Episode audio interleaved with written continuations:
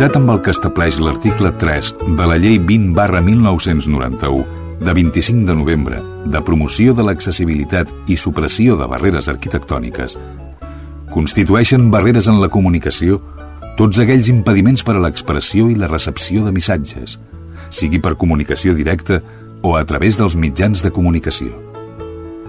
És per això que, emparant-nos en aquesta llei, volem que cada ciutadà gaudeixi del seu propi espai per moure's. Un espai sense censura. Un espai en què vosaltres sigueu els protagonistes. En definitiva, un espai per tothom. Benvinguts a Espai Vital.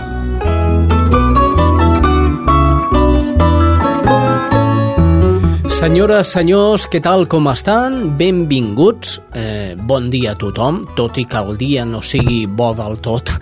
Eh, us animem a que ens escolteu en aquests 60 minuts que ens queden per endavant.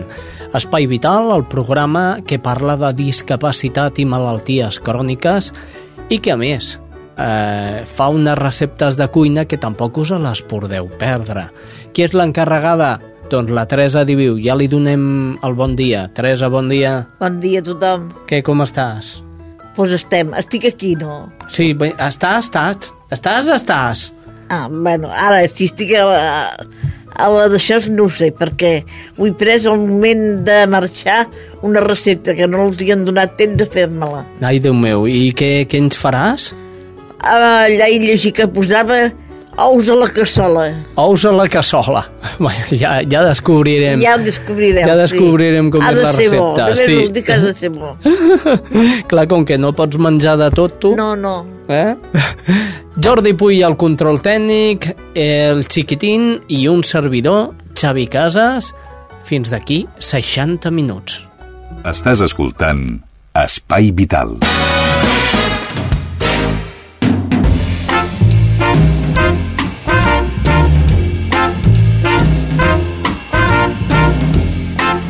Continuem aquí, Espai Vital, tot just comencem i volem començar amb molta força. Per començar tenim a una persona al telèfon i a una altra persona al meu costat. La del meu costat ja la coneixeu perquè és una de les persones que fa l'info a Ripollet Ràdio i ha tingut de bé i de bon gust entrar aquí a l'estudi. I la del telèfon es diu Isabel Güell és la presidenta de l'Associació de Fibromialgia i Fatiga Crònica de Ripollet. Isabel, hola. Hola. Hola, bon dia. I Francina Ricard. Hola, Xavi. Què bon, tal? Bona tarda. Bona tarda. Bona tarda. Molt bé, és la Francina Ricard la que s'encarregarà de parlar amb la Isabel, que té tot fil per randa. Endavant. Doncs sí, perquè recentment, en les últimes setmanes aquí a Ripollet, amb motiu de la celebració el dia 12 de maig, Dia Internacional de la Fibromialgia i de la Fatiga Crònica, doncs l'associació Ripollet, eh, Fibromialgia i Síndrome de Fatiga Crònica, doncs no ha volgut perdre l'oportunitat d'aprofitar aquesta important data i ens ha omplert d'activitats al Centre Cultural i al municipi, de xerrades, de tallers, de- d'activitats de divulgació, centrades totes en aquesta malaltia. I perquè coneixeu una miqueta més totes les activitats que s'han fet i les que encara s'han de fer, doncs ens acompanya la Isabel. Isabel, hola. Hola, bon dia. Què tal, com tarda. estem? Molt bé, molt bé. Doncs- Encantada de parlar amb vosaltres. Doncs fem un repàs una miqueta de les activitats que heu fet fins ara. Vau començar amb el taller del riu Abierto, que és una activitat molt interessant perquè és una tècnica que utilitzeu que a vosaltres, a les persones que patiu aquesta malaltia, us va molt bé. Explica'ns una miqueta en què consisteix. Doncs mira, és una tècnica que es fa amb música do, i eh, tu tens que anar seguint, no pots eh, fer els moviments que tu vulguis, sinó els que et marca la persona que porta el taller. D'això fa perquè prengui, tinguis atenció en aquella persona, en aquell moment te n'oblides d'altres coses que puguin estar en el teu cap, balles, et relaxes, eh, comuniques, mous emocions, és molt bonic, és molt bonic. Uh -huh. Em consta que vau tenir molta participació aquell dia. Moltíssima participació. Pensa que la sala d'actes del Centre Cultural es va fer petita. Jo la Vull vaig dir, veure, jo la vaig veure eh, ja no aquell dia, sinó el dia de Sant Jordi i la vaig veure molt, molt posada aquí davant de, del centre Ui, cultural. és que la Isabel és, és molt, molt, molt posada, eh? L'hauries de veure presentant els tallers i les activitats, però vamos, és De no, la- no, no, no, és un equip, és un equip. Jo puc ser la, la veu, diguem, que se sent, però és tot un equip, perfecte. És un equip que està funcionant molt bé. Gràcies. També a vosaltres, eh? Som, sou moltes persones que formeu part de l'associació. Sí, en aquest moment som 43 persones que estem associades i, bueno, mm, segur, segur que anirem, eh, no sé, ampliant perquè la gent que ve es dona compte de lo important que és associar-se, el que s'aprèn respecte a l'enfermetat, però també a l'autoestima, a canviar maneres de viure, moltes coses s'aprenen. Uh -huh. Sí. Després, el dia 12, Dia Internacional de la Fibromiàlgia, el dia que tocava, vau Sí. fer una, una xerrada sobre l'espai informatiu i va venir el doctor, el Josep Mampel i les infermeres, la Dora Alfonso i la Pilar, eh, Pilar Pallarès. Sí, Gent que no es perd mai les vostres activitats. Mai, mai. Són un recolzament molt important. A més, són persones que són referents dins del CAP 1. Referents vol dir que són persones que es dediquen a tractar a les persones amb fibromiàlgia, fatiga crònica i el síndrome químic múltiple. Vull dir que mm, són persones molt enteses i ens ajuden moltíssim. La xerrada va ser molt amena, molt aclaridora per tothom, perquè vam parlar amb una manera de parlar molt entenedora i va haver-hi molta participació de preguntes, respostes, va ser molt bonic. Escolta'm, ja que estem en aquest punt, hi ha una persona que es diu Eva Cavaller que Sí. té eh, síndrome químic múltiple. Sí, Molt bé. Doncs ella i la Clara Valverde, que pateix eh, síndrome de fatiga crònica, Crònica, sí. han creat un manifest eh, de, del dia 12 de maig, que és quan se celebra, o ja Sí. s'ha celebrat en aquest Sí, cas, sí. eh, amb el Dia Internacional de la Fibromialgia i la síndrome de fatiga crònica i síndrome química múltiple, que m'agradaria que escoltéssiu. encantada.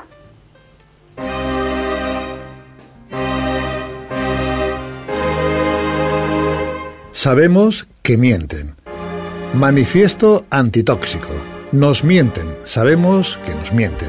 Somos las ovejas negras del rebaño manipulable de los políticos que nos mienten. Somos cobayas molestas para los médicos que nos mienten. Máquinas rotas que no consumen para la industria que nos miente. La piedra en el zapato de las farmacéuticas que nos mienten. Nos mienten los que nos quieren vender salud. Nos mienten los que nos hablan de progreso con una mano en la cartera. Pero no nos creemos sus mentiras tóxicas. Aunque nos quieran hacer invisibles, encerrarnos en una enfermedad y tirar la llave, envenenarnos y taparnos la boca, matarnos y plantar flores de mentiras sobre nuestra tumba, no nos van a encerrar, a callar ni a hacer desaparecer. No tenemos paciencia ni somos buenas pacientes. No nos justificamos ni damos explicaciones. Si sufres fibromialgia, si sobrevives con síndrome de fatiga crónica, si agonizas con sensibilidad química múltiple, debes saber que estás en guerra. Sus mentiras no nos asustan, son la munición en esta guerra que no ha hecho más que empezar. Si crees que estás sano, escoge tu bando, enferma con ellos o vive con nosotros. Ahora es nuestro momento. Decimos, decidimos y definimos. No nos creemos sus mentiras tóxicas. Sabemos que mienten. Clara Valverde y Eva Caballé. Manifiesto antitóxico del 12 de mayo de 2010, Día Internacional de la Fibromialgia.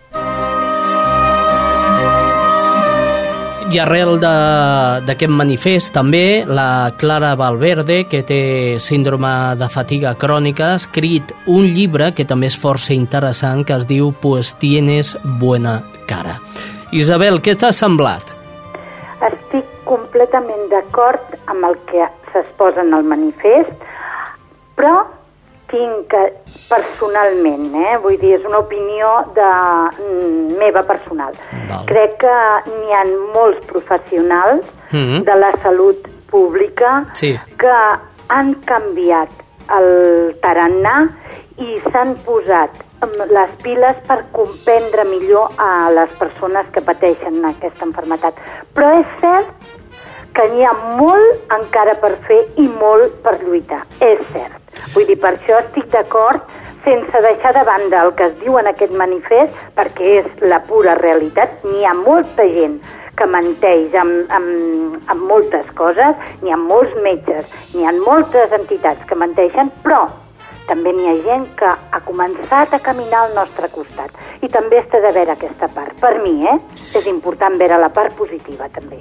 Molt bé, Isabel. Doncs escolta'm, ens alegrem que estiguis també en aquest manifest. Sí, I, I si et sembla, ja per acabar, eh, el dia 25 de maig teniu l última activitat, que és una xerrada eh, titulada sí, Francina, Perdó, és veritat, és veritat, perdó, perdó, Sí, sí, fallo sí, meu, fallo meu. sí. El dia 26, dimecres, Sí. al Centre Cultural, Mhm. xerrada l'actitud davant del dolor. De Ripollet, eh? Sí, sí, de, de Ri- Ripollet, sí, sí, perquè de Hi Ripollet. ha moltes poblacions. Sí, sí, perdó, perdó, és que se m'ha vist, el, se vist el llautó aquí, de Ripollet. Doncs, l'actitud davant del dolor, explica'ns una miqueta en què consistirà aquesta xerrada. Doncs la fa un psicòleg, un psicòleg que és una persona que ha treballat molt al, mm, en la clínica del dolor de l'Hospital Germans Trias i Pujol. Llavors és una persona que entén molt bé eh, el dolor, i, però quina actitud un pot prendre envers el dolor, no? davant del dolor. I llavors eh, penso que serà una xerrada molt positiva, molt important i, i que serà molt bo que les persones, que no cal que sigui de fibromiàlgia tan sols, sinó que pateixin dolor, al millor és reumàtic, a lo millor, no sé, però que vinguin perquè serà molt maco i a més una manera de veure el dolor d'una altra diferent. Vull dir, sí, penso que és molt interessant el que farà aquesta persona perquè ja la xerrada es diu l'actitud davant del dolor. Per tant, ja ens està dient més o menys de què anirà la xerrada. Molt bé, Isabel Güell, gràcies. No tenim temps per més. A vosaltres. Eh? Ara hem ha sigut un plaer. Ara hem d'atendre un altre dia internacional. Isabel, el de la malaltia celíaca, que també hi són. Ah, Eh? sí, sí, sí. Doncs molt bé, fins una altra. Moltíssimes gràcies. A vosaltres. Adeu, adeu i gràcies. Adeu.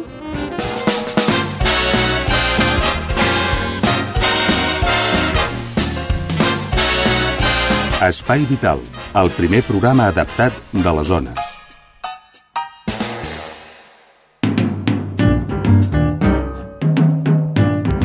I com dèiem, d'un dia internacional a un altre.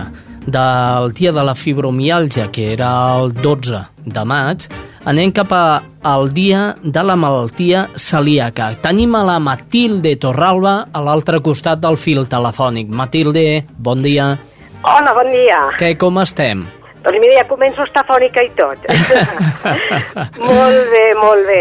Mira, Molt bé, la, doncs, la Matilde és la presidenta de l'Associació de Celíacs de Catalunya, que de fet eh, volen celebrar per aquest dia 22, sembla que era una botifarrada eh, sense gluten a Vilafranca del Penedès, no?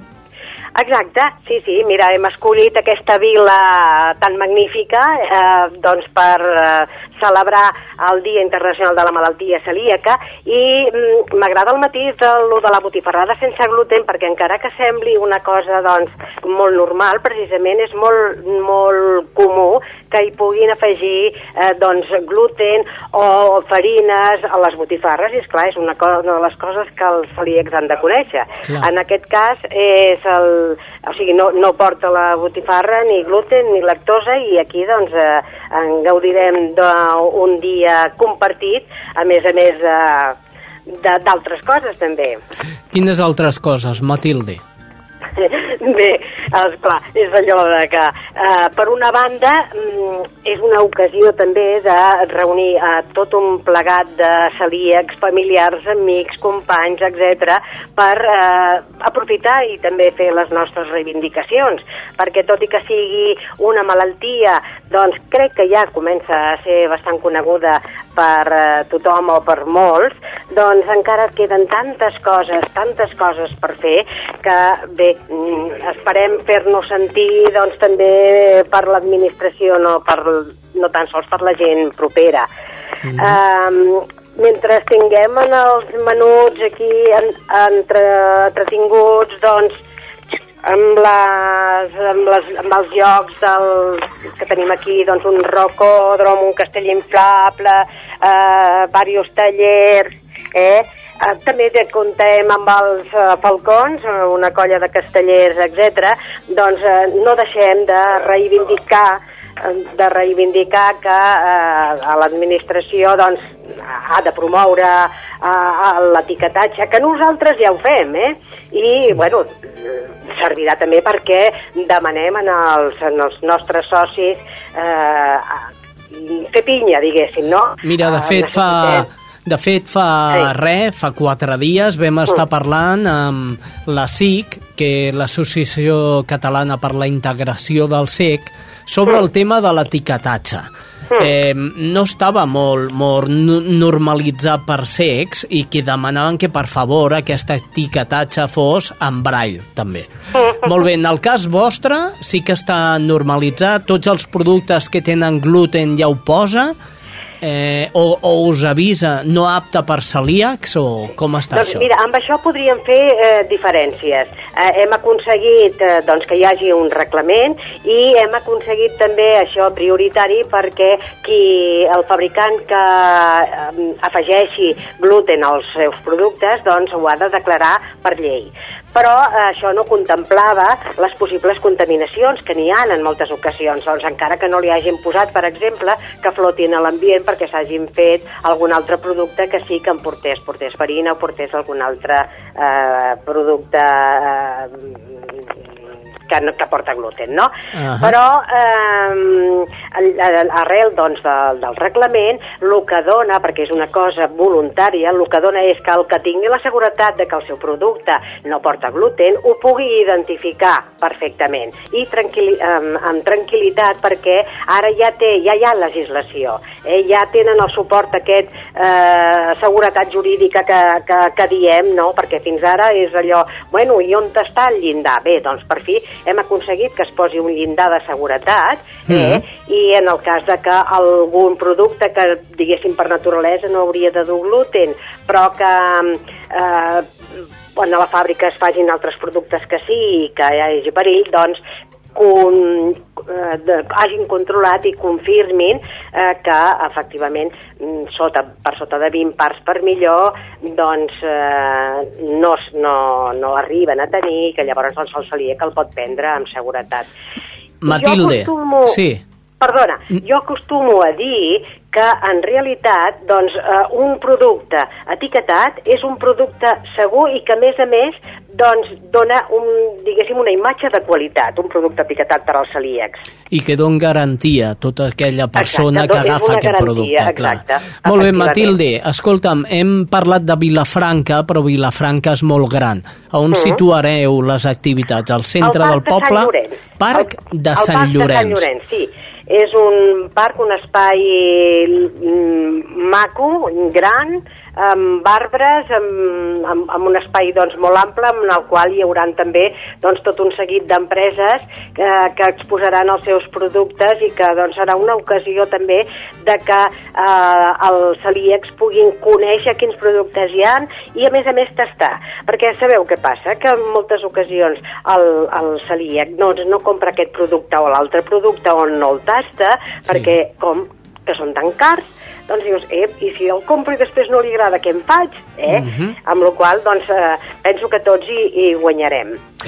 Molt bé, Matilde, escolta'm, espero que tothom que estigui escoltant Espai Vital a lo llarg de tot el Vallès Occidental s'acosti cap a Vilafranca del Penedès per celebrar el Dia Internacional de la Malaltia Celíaca. Exacte, exacte. Recordeu, el dia sí. 22 del mes maig, que ve... de maig, Ai, de maig, de el maig. dia 22 de maig, dic jo, del mes que 20. ve. Ja, ja m'hi posaré jo l'estiu. Recordem. Això, això és que tens ganes ja. Sí. Ja Oh, tens ganes de que arribi l'estiu, la platgeta, la piscineta... Bueno, És, és, Deixem-ho així, oi? molt bé, Matilde. Doncs vinga, escolta'm, Vinga. que tingueu molta sort i que tota la Moltes gent gràcies. pugui comprovar que eh, els aliments celíacs no canvien tant de sabor com vosaltres penseu. Ah, exacte. Moltíssimes Vinga. gràcies i que Una vagi abraçada. molt bé. Adéu-siau. Adéu-siau. Estàs escoltant Espai Vital. Avui a l'Espai Vital portem un convidat, un convidat que realment a mi em fa eh, molta il·lusió. Jo diria que és un convidat que ha treballat amb mi. Es diu Jordi Condal i em podíem dir que és poeta, no? És així com es diu poeta? Soc escriptor. Escriptor. Bé, tu Escric. sempre. Llavors, eh, li vam proposar una fita. Era eh, poder portar aquest programa l'Espai Vital, que parla de discapacitat i malaltia crònica, poemes eh, mm, força diferents o d'un caire especial que només faria eh, un escriptor, com ell diu, eh, una mica, eh, com jo em dic, eh, de manera irònica, coix, eh? el poeta coix de l'espai vital. Ell és eh, el Jordi Condal. Jordi, què ens portes avui? Doncs mira, avui porto un poema de l'Agustí Bartra. L'Agustí Bartra és un home que va viure molt de temps a Terrassa i és un poeta difícil. Difícil què vol dir? Vol dir que és un poeta que eh, costa entendre eh, exactament què hi ha darrere de les paraules. Té unes paraules molt vibrants, té unes paraules, doncs, la, eh, quan escolteu el poema, escolteu la fonètica, escolteu les vibracions de les síl·labes i les idees aquestes explosives d'aquest poema i penseu què vol dir. De tota manera, si vols, puc donar alguna pista. Dóna'm alguna pista, dóna-me-la.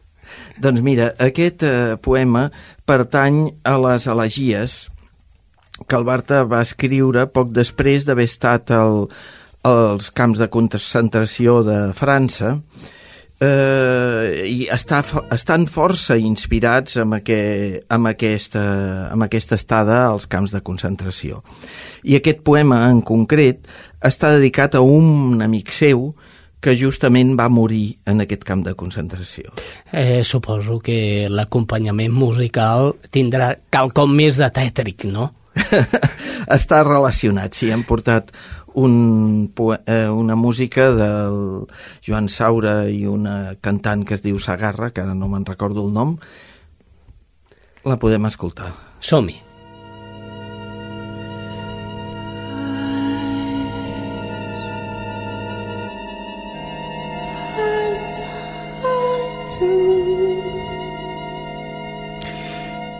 I l'ànima roja begué de la Déu sota l'ombra de les arquejades cames de la nit. Descendint cap als homes la llibertat mungí d'aurores, en les ires del ram, les roderes del tro i el líbid horitzó menjaire de flagells, sintaxi de la bala sobre els murs de la mort. Foc, focs, o oh, portes en carrers anònims estenellades com velles verjaules, tots els espaventalls odiaven el mar. De l'oest arribaven silenciosos trens de cotó, xops de sang, fàlics esclats dels furiosos bronzes i l'ombra gemolida en la secó dels cups, on les nafrades llunes devoraven llurs cines. Per les escales vermelles el sol baixava fins als salzes, plorant.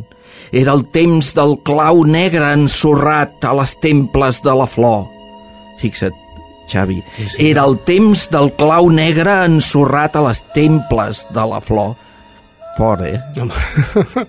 Boques dures cercaven els vels de la farina i la meva mà dreta trobava un cor d'òliu en el mort infinit de les escumes.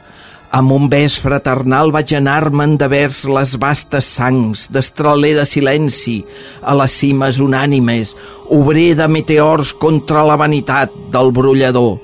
Vaig arribar fins al gris vivac, amb massarna d'estrelles, un rosegó florit i nissagues de polls, sense pressa, amb misteri, vaig irrompre a les mil cançons amb la nuca suada i en una cantimplora vaig veure reflectida la faç d'Homer.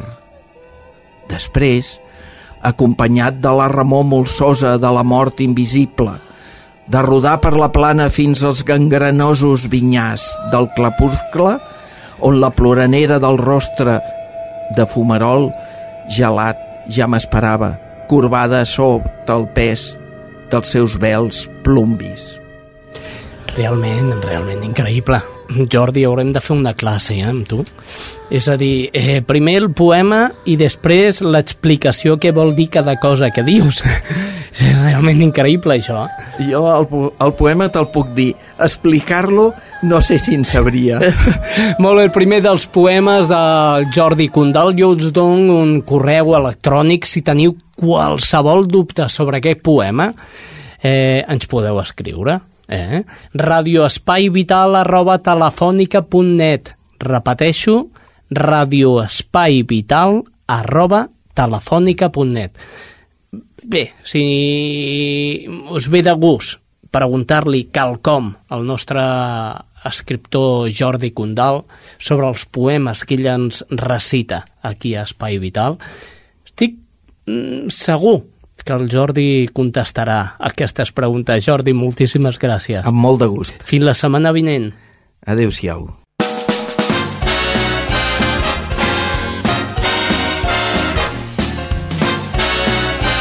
Espai Vital, el primer programa adaptat de les zones.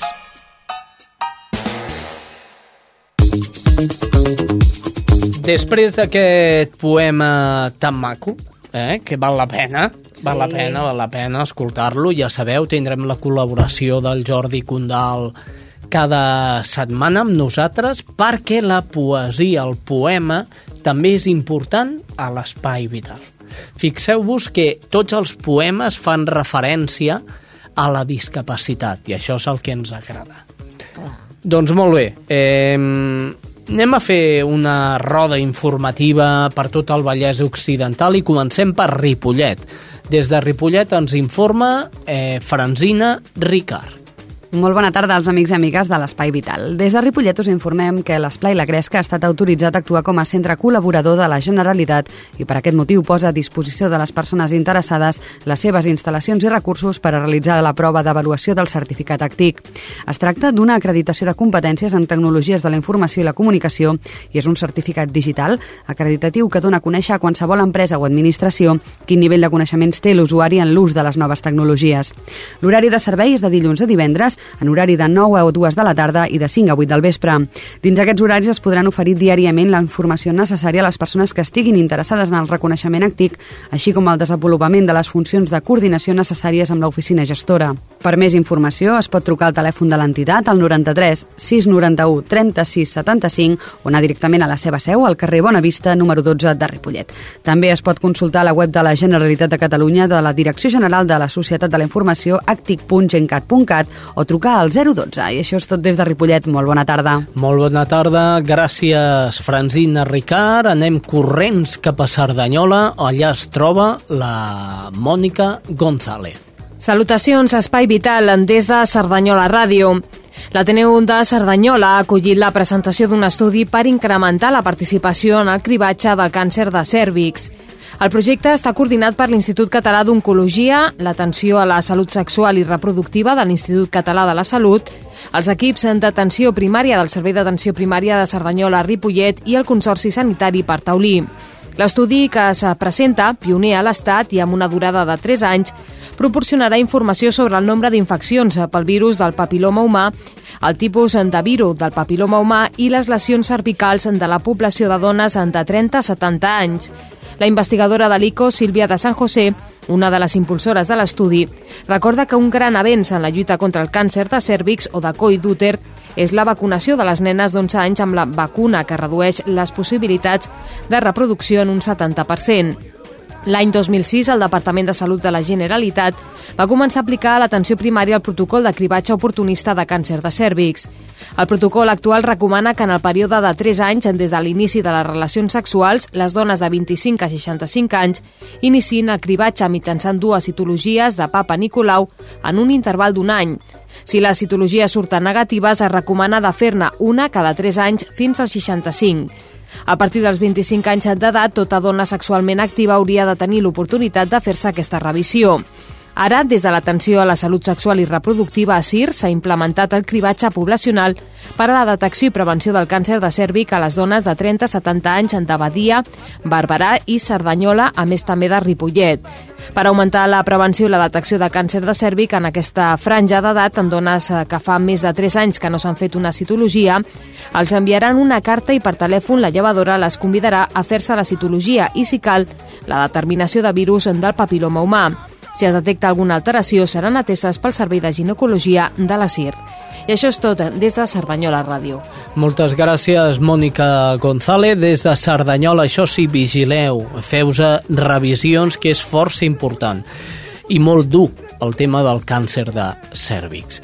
Anem corrents cap a Montcada. Allà es troba la nostra companya, la Sílvia Díaz. Hola, salutacions des de Montcada, l'Espai Vital. Avui parlem de prevenció i d'un protagonista dels darrers estius, el mosquit tigre. L'Ajuntament ha començat a fer actuacions per evitar la reproducció massiva de l'insecte amb la instal·lació de mosquiteres a centres escolars i centres cívics i també fent reparacions per evitar que l'aigua s'acumuli als patis i sorrals. Un aspecte molt important de prevenció és evitar que hi hagi aigua estancada on les larves d'aquest insecte se'n reprodueixen amb facilitat. En el cas de tenir a casa recipients a l'exterior, convé que estiguin tapats i els plats de test mantenir-los secs. També s'ha d'evitar l'acumulació acumulació d'aigua als forats dels arbres dels jardins i netejar les canaleres i els embornals. En el cas concret de les basses o piscines, s'han de vigilar les seves condicions higièniques perquè no esdevinguin un focus de cria de mosquits.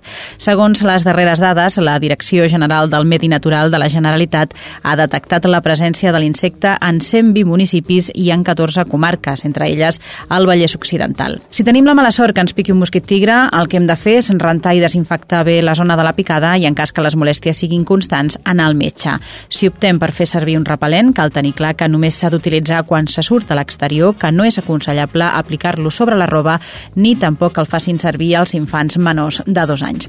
Doncs bé, amb aquestes recomanacions marxem. Fins la setmana vinent. Gràcies, Sílvia Díaz. Tot i això, jo recomanaria a tothom que us poséssiu una mosquitera sobre del cap, que per cinc... O tot el cos. O tot el cos, i que, que de veritat que fa molt mal aquesta punxada, sí, eh? que, sí que ho fa, sí. Aqu aquests mosquits mosquit... El meu marit va estar tres mesos, eh, l'any passat no, fa dos anys. Sí. Va estar tres mesos amb picades de mosquits, infectades, i, escolta... I, i Se li curava unes, li picava amb una altra. També té mala sort el teu marit, oh, sí, eh, Teresa? Doncs bé, dit això, és el moment de marxar cap a Barberà. Allà es troba Judit González. Salutacions des de Ràdio Barberà. Aquest dimecres, 12 de maig, Dia Mundial de la Fibromialgia i la Fatiga Crònica, la nostra ciutat, a través de l'entitat Fibro Barberà, ha commemorat aquesta data amb diverses activitats. Durant el matí de dimecres a la plaça de la Vila, l'associació va muntar una paradeta de sensibilització on va oferir informació sobre aquesta patologia a tothom que s'hi apropava. A les 12 del migdia, els membres de l'entitat van llegir un manifest on es reivindica que es destinin més fons per investigar sobre la malaltia. A continuació, van oferir una xocolatada per la ciutadania. Les activitats van continuar a la tarda amb una xerrada a càrrec del reumatòleg del Consorci Hospitalari Partaulí, Enric Casado, al Cap Barberà.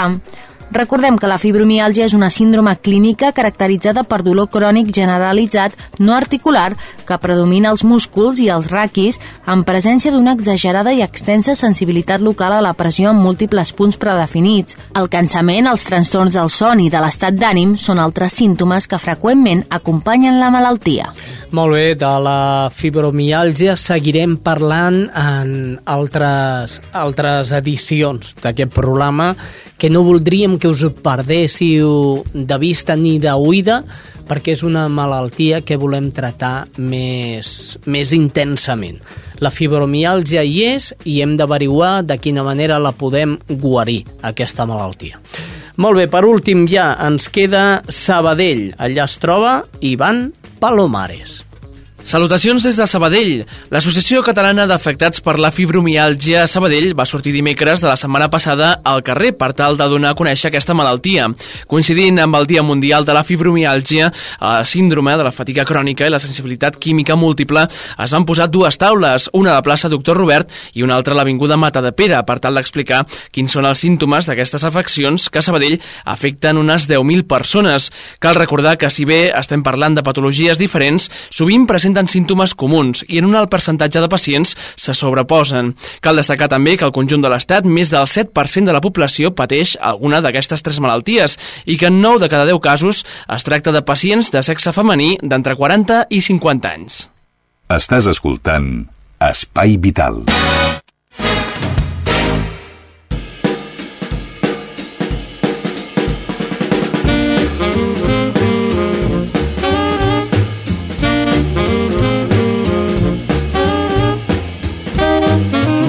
arribat a aquest punt, ja és l'hora de conèixer quines són les planes web, quines són les notícies més interessants que l'Alfredo Ángel Cano, el nostre cercador, ha trobat a la web d'Espai Vital. Us dono l'adreça. Les 3 W, ràdio, guió al, espai, guió al, vital, punt, blogspot.com Una manera més senzilla és anar al cercador Google i posar Espai Vital i la primera opció que surt és la plana web d'Espai Vital. Doncs de les notícies més interessants d'aquesta web, el nostre company, l'Alfredo Ángel Cano, n'ha fet una tria, i és aquesta.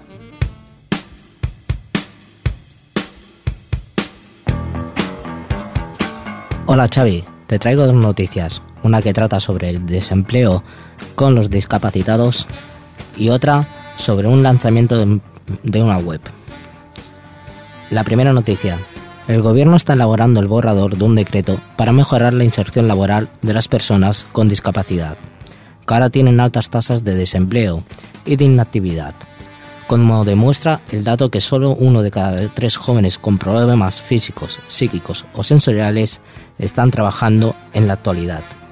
El decreto pretende que los servicios sociales y los de empleo se coordinen mejor que hasta ahora para explotar al máximo la información de la que se dispone y de esta forma ajustar las ofertas de empleo a las demandas de trabajo.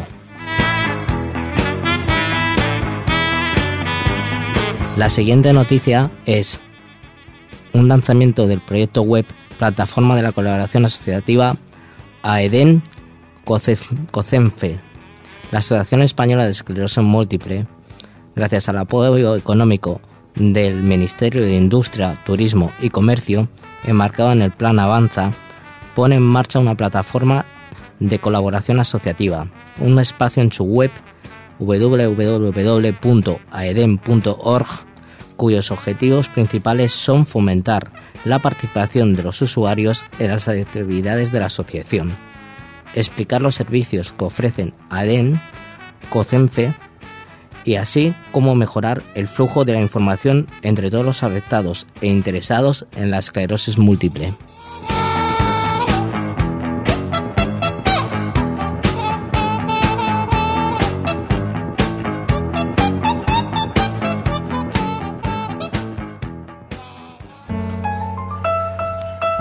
Mira, ja sents els primers compassos. Un tema que et vull dedicar. Ai, més eh? no dormiré, eh? eh? Jo em sembla que no. Mira, escolta, escolta.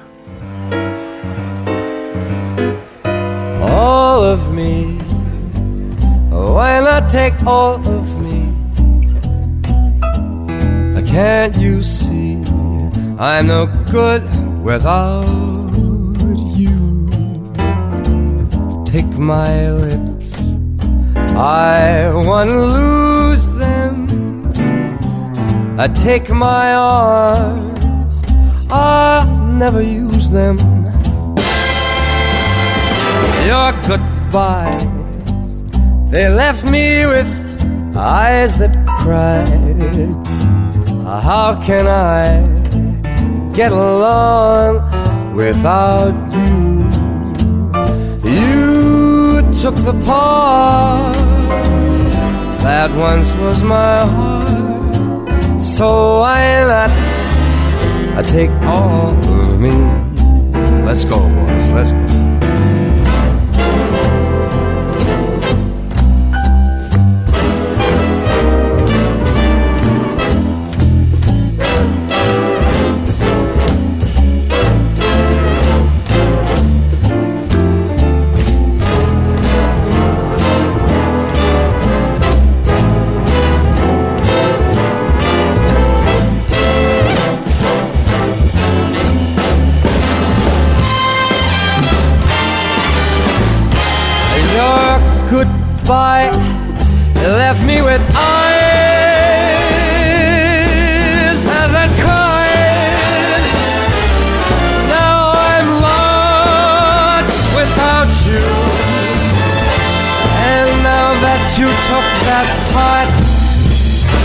That used to be my heart.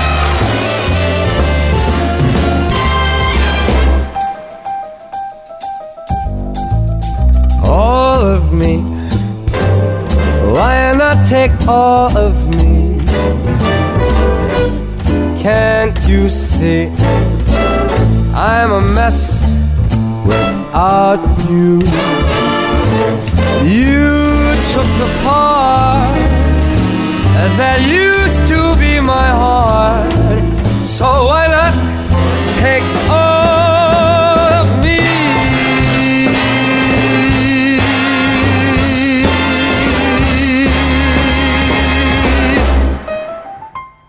La música de Michael Bublé, All of Me.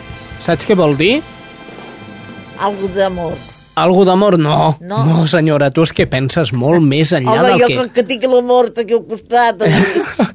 Comença a calentar paelles i fogons i Va. tela, va.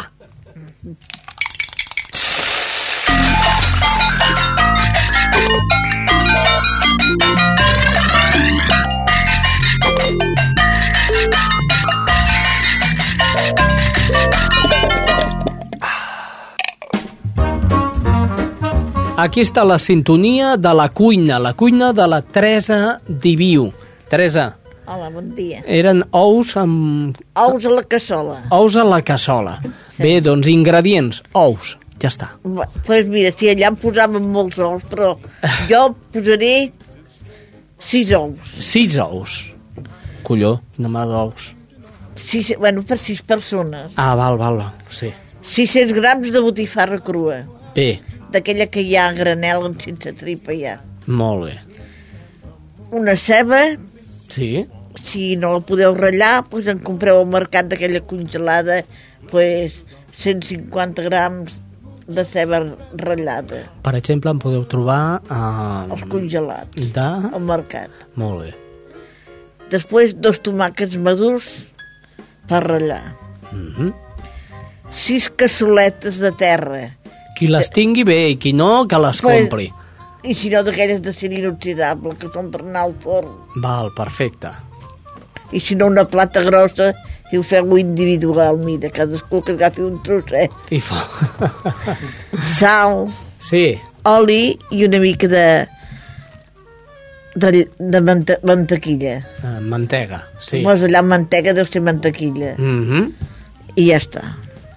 Molt bé, què fem amb els ous i Bueno, tots els ingredients? Primer, pues, agafem la paella i posem oli. Sí. I posem la ceba, que es fregeixi. Mm -hmm. Com la tinguem allò ja quasi fregida, i posem el tomàquet a fregir el tomàquet. Fem com un sofregit.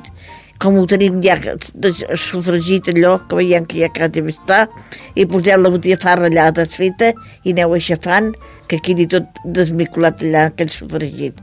Tot desmicolat. Eh? Com ja veiem que ja està, ho apartem. Agafem les cassoletes i posem una miqueta d'aquest sofregit que hem fet amb aquesta botifarra a cada cassoleta.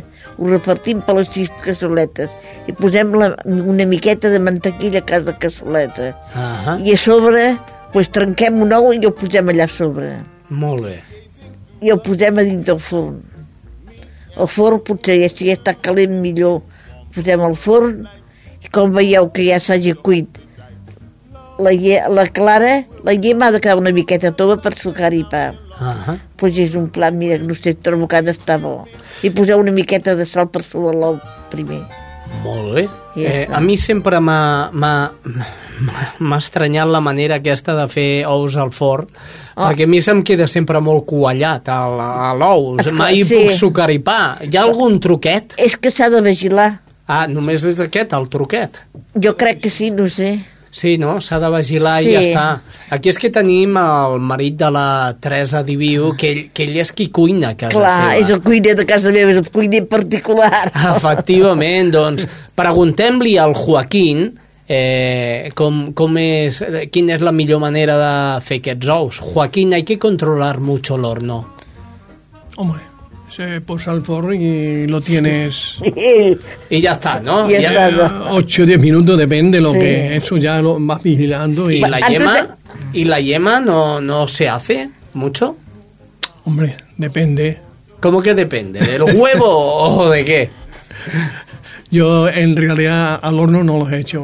No, pues entonces, ¿para qué, para qué habla eh, Joaquín? Si es que no puede ser. No Si puede el horno ser. está caliente, en 10 minutos ja tiene bastante. Sí. Diez minutitos, no? 8 minuts, posem 8 minuts, ja n'hi ha, però...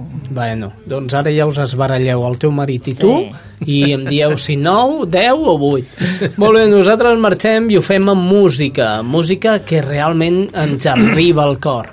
És música portuguesa. Ella es diu Omara Porto Ondo. Eh? I escolteu-la perquè em sembla que us arribarà al cor. Senyors, fins la setmana vinent.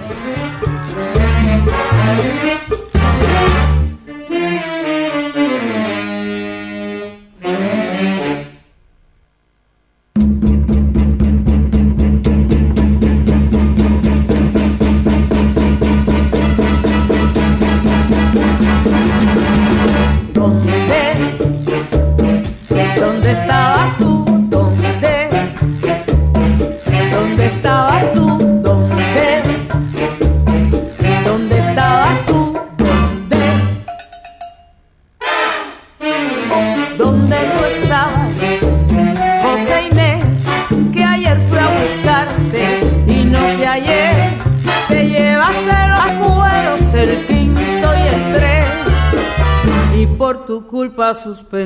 El bembé.